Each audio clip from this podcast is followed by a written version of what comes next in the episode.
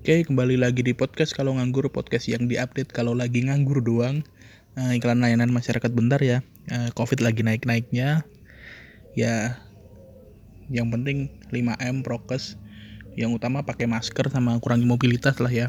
Jangan nongki-nongki dulu di kafe. Jangan keluar kalau nggak penting. Ya buat teman-teman yang harus keluar rumah untuk bekerja dan menghidupi keluarga ya saya doakan semoga senantiasa diberikan keselamatan, diberikan yang terbaik. Dan jangan lupa tetap prokes ya karena memang lagi tinggi-tingginya ini. Apalagi ini kan juga PPKM darurat ya. Banyak daerah yang disekat. Mobilitas kita benar-benar dibatasi ya. Ya kalau memang benar-benar nggak penting uh, di rumah aja lah bisa YouTubean, Netflix atau kalau emang benar-benar nggak tahu mau ngapain bisa dengerin podcast ini. Karena podcast ini adalah opsi terakhir untuk didengarkan. Karena saya sendiri ya nganggur-nganggur. Males tapi harus. Konsisten tuh susah ya ternyata bikin podcast. Ada aja yang ada sebenarnya ada yang apa yang dipikirin itu ada. Tapi ya itu konsisten untuk bikinnya tuh males padahal tinggal rekaman buka sound recording pakai pakai HP ngomong nggak jelas kayak gini random hal. Ya kalau ada yang dengerin alhamdulillah kalau nggak ya udah cuma pengen ngomong aja pengen cerita. Tapi ya konsisten susah. Bener-bener saya salut sama orang-orang yang uh, bisa konsisten ya. Bikin sesuatu bisa konsisten. Gila. Keren orang-orang kayak gitu mungkin saya harus belajar biar biar bisa lebih konsisten lagi ya. Ya semoga podcast ini targetnya sih per Juli ini podcast bakal ya bakal lumayan sering diisi ya walaupun nggak terlalu nganggur. Kalau lagi pengen cerita atau ada bahan yang bisa diomongin paling saya upload upload aja. Di update nggak jelas kayak gitu. Oke malah ngelantur sorry sorry Hari ini saya mau ngomongin ini sih tentang formasi untuk S1 pendidikan. Jadi kemarin saya bikin itu kan apa? Tweet di Twitter tentang formasi CPNS untuk S1 pendidikan yang uh, belum memenuhi syarat untuk daftar P3K. Ya niat awalnya saya tuh buat bantu teman-teman yang S1 pendidikan yang belum bisa daftar P3K guru biar tahu lah kalau ternyata kalau apa alumni FKIP itu masih ada kesempatan buat daftar di CPNS tahun ini. Yang bikin saya nggak nyangka ternyata treatnya itu alhamdulillah rame banget. Ya it's a pleasure buat saya bisa bantu teman-teman.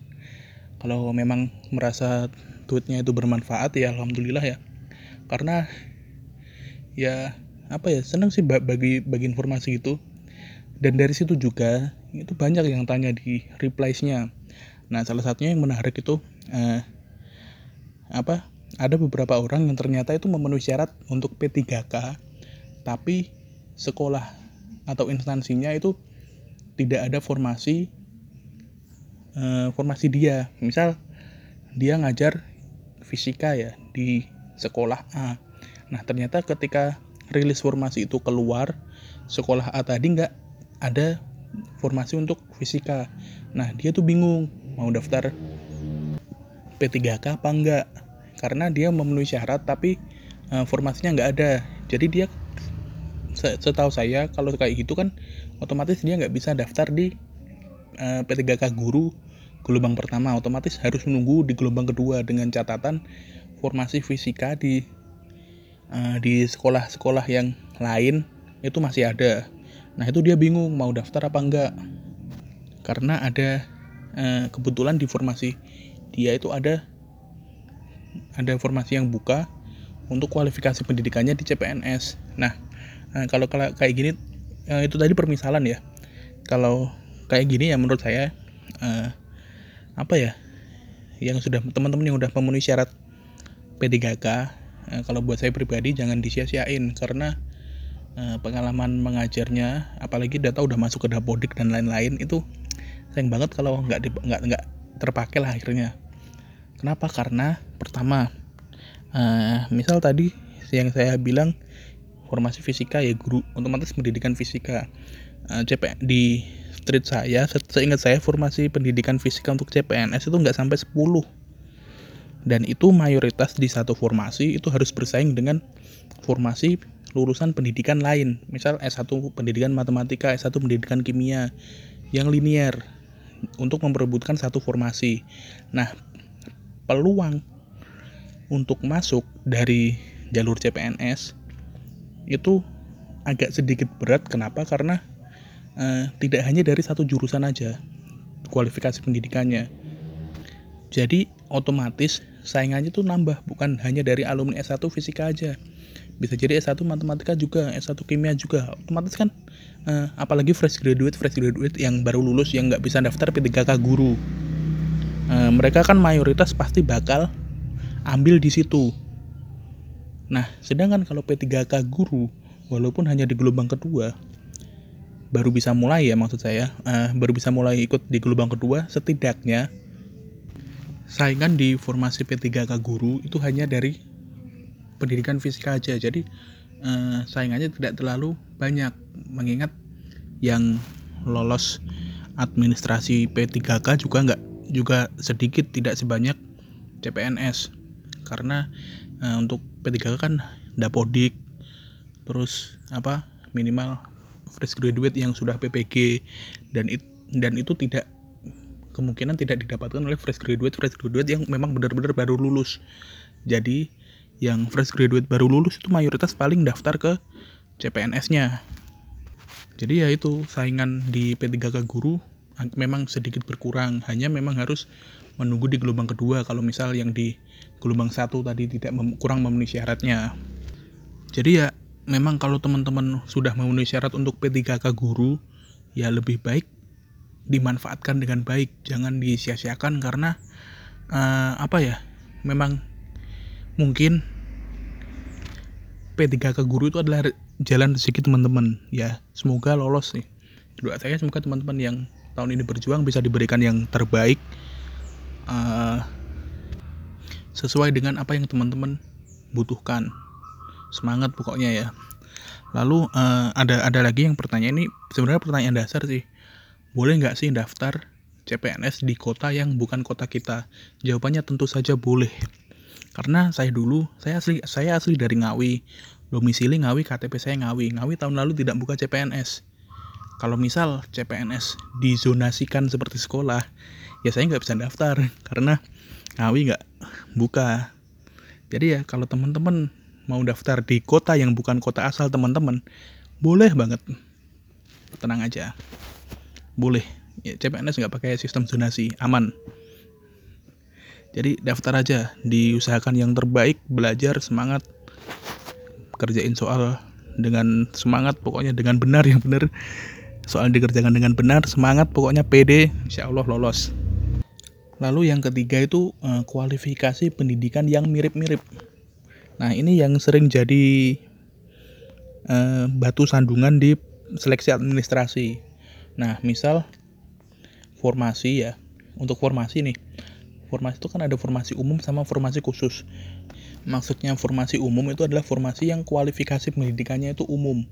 Misal S1 ekonomi. S1 ekonomi kan ada S1 ekonomi akuntan eh, apa konsentrasi akuntansi, S1 ekonomi konsentrasi manajemen mungkin atau ekonomi akuntansi apa ekonomi konsentrasi yang lain nah kalau seperti ini kemungkinan besar bisa untuk konsentrasi konsentrasinya tuh bisa masuk ke S1 ekonomi ini nah tapi tapi ini tapi jangan di stop sampai bisa tadi tapi ada tapinya. Tapi lebih baik teman-teman tanya ke uh, instansi terkait instansi yang membuka formasi tersebut. Teman-teman tanya uh, apakah bisa apa enggak kalau saya pakai ijazah eh, misal ekonomi konsentrasi akuntansi untuk mendaftar di formasi ini? Kenapa? Karena supaya tidak menimbulkan mispersepsi antara teman-teman dan instansinya. Jadi teman-teman ngerasa oh bisa ini bisa ini. Ternyata dari instansi butuhnya yang S1 ekonomi murni jadi ekonomi aja. Jadi ya di seleksi administrasi gagal. Tapi ya bisa dicoba dulu tanya ke instansinya. Pokoknya dicoba tanya dulu aja. Misal saya daftar ini bisa nggak?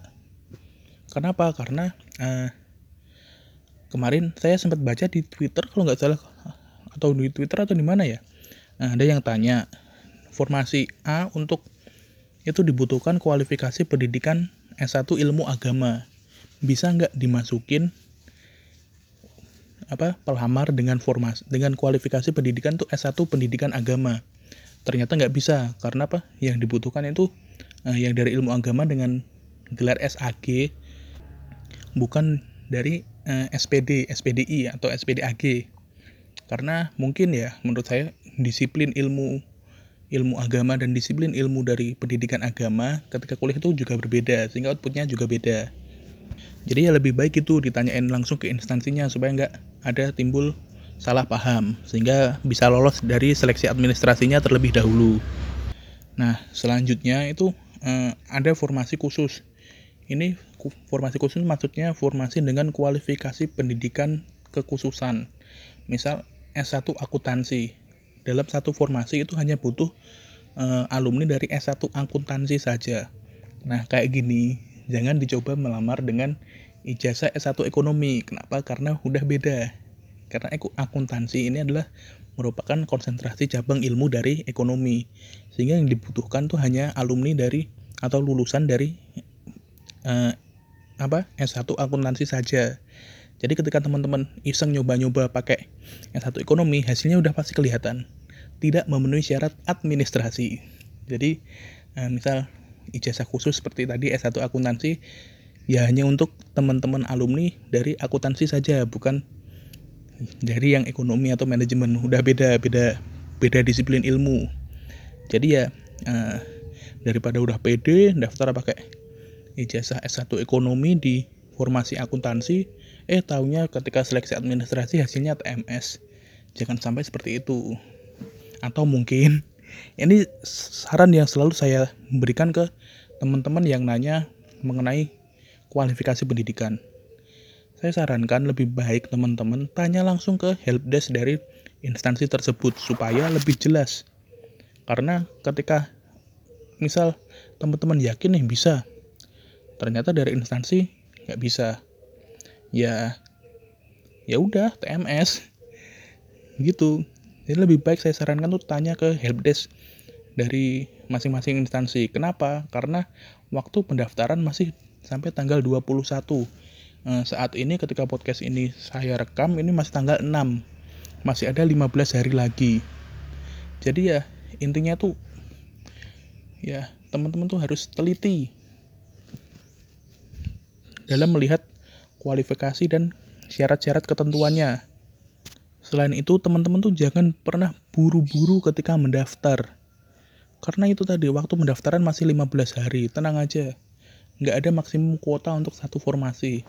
Nggak mungkin ketika formasi A, oh yang daftar udah 50 ribu, ditutup nggak mungkin. Mau yang daftar 50 ribu, 50 orang, dibuka sampai tanggal 21. Tenang aja, jangan buru-buru, santai. Asal jangan terlambat mendaftar. Tenang, daftar di kalau saya pribadi saya tahun lalu itu daftar di uh, tahun lalu ditutupnya Senin kalau nggak Selasa.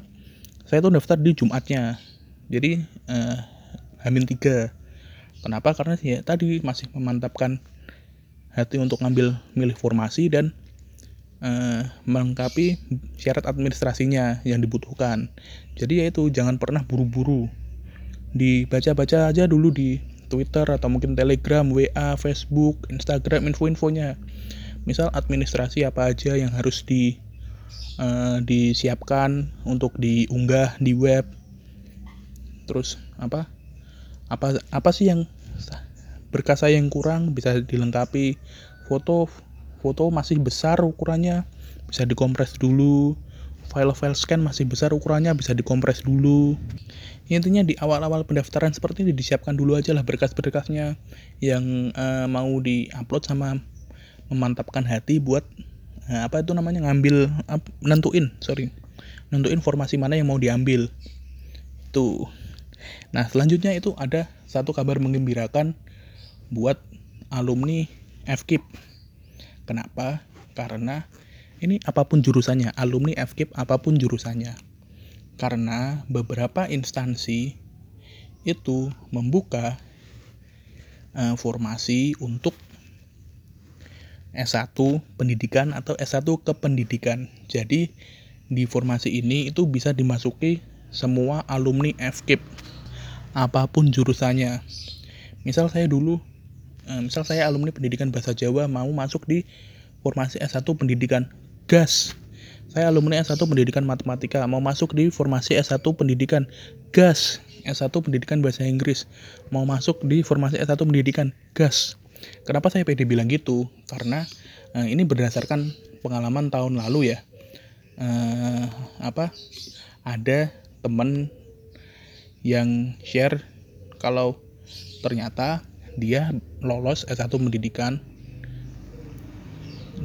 di formasi kementerian. Tahun lalu ada yang buka. Ini dari Twitter ada yang cerita gitu temennya itu lolos uh, formasi S1 pendidikan di salah satu kementerian. Jurusannya kalau nggak salah PGSD. Nah, berarti kalau dari pengalaman tahun lalu, S1 pendidikan kan bisa dimasukin dari semua alumni jurusan apa pun di FKIP atau FIP. Nah, tapi untuk tahun ini ya, uh, sekali lagi saran saya yang paling bagus adalah ditanyakan dulu ke instansinya. Waktu masih 15 hari bisa tanya ke instansi. Uh, saya alumni pendidikan ini saya masuk di formasi S1 pendidikan apakah kualifikasi pendidikan saya memenuhi syarat atau tidak? Kalau mereka oke okay, ya udah daftar aja. Kalau mereka belum menjawab ya ditunggu. Kalau masih belum jauh ya ditanyain lagi gitu pokoknya kalau oke okay, masuk gas. Gitu. Jadi ya itu aja lah pokoknya. Intinya uh, buat teman-teman pejuang kalau dari tahun la tahun lalu ya temen dari sebelum sebelumnya juga gitu kayaknya uh, buat teman-teman CPNS yang ikut tes itu namanya pejuang NIP pejuang nomor induk pegawai pejuang NIP ya buat teman-teman pejuang NIP semangat semoga uh, apa pun hasilnya itu harus teman-teman harus bisa syukuri. Dan ya semoga yang terbaik lah buat teman-teman. Uh, sesuai dengan proses teman-teman selama ini semoga yang terbaik. Pede aja pokoknya. Jangan buru-buru dibaca dipahami syarat sama ketentuan di formasi masing-masing instansi. Agar tidak terjadi TMS ketika seleksi administrasi diumumkan. Itu aja. Oh ya tambah satu lagi. Uh, ada yang ini yang paling dasar juga. Saya lupa tadi belum ngomongin. Uh, untuk ijazah S1 tidak bisa diwakilkan SKL jadi harus ijazah scan ijazah ya. Ketik. Mungkin buat yang baru wisuda bisa kampus bisa segera di oya-oya ya bahasa, Jawanya segera di oya-oya agar ijazahnya segera dikeluarin segera dikirim. Karena pandemi ya beda kayak dulu waktu offline. Kalau dulu waktu offline saya ketika wisuda udah langsung dapat ijazah sama transkrip jadi aman. Nah ini teman-teman yang uh, wisudanya online ijazahnya ada beberapa yang WA saya teman adik-adik kelas adik-adik tingkat itu nanya kalau SKL bisa enggak ya jawabannya tentu saja tentu saja tidak karena pengalaman tahun lalu ada temen yang juga kayak gitu daftar pakai SKL hasilnya ketika seleksi administrasi keluar TMS jadi untuk menghindari TMS lebih baik mendaftarnya pakai ijazah asli. Ditunggu dulu masih 15 hari tenang aja pasti keluar. Tenang bismillah pokoknya bismillah semangat. Bye sampai jumpa di podcast selanjutnya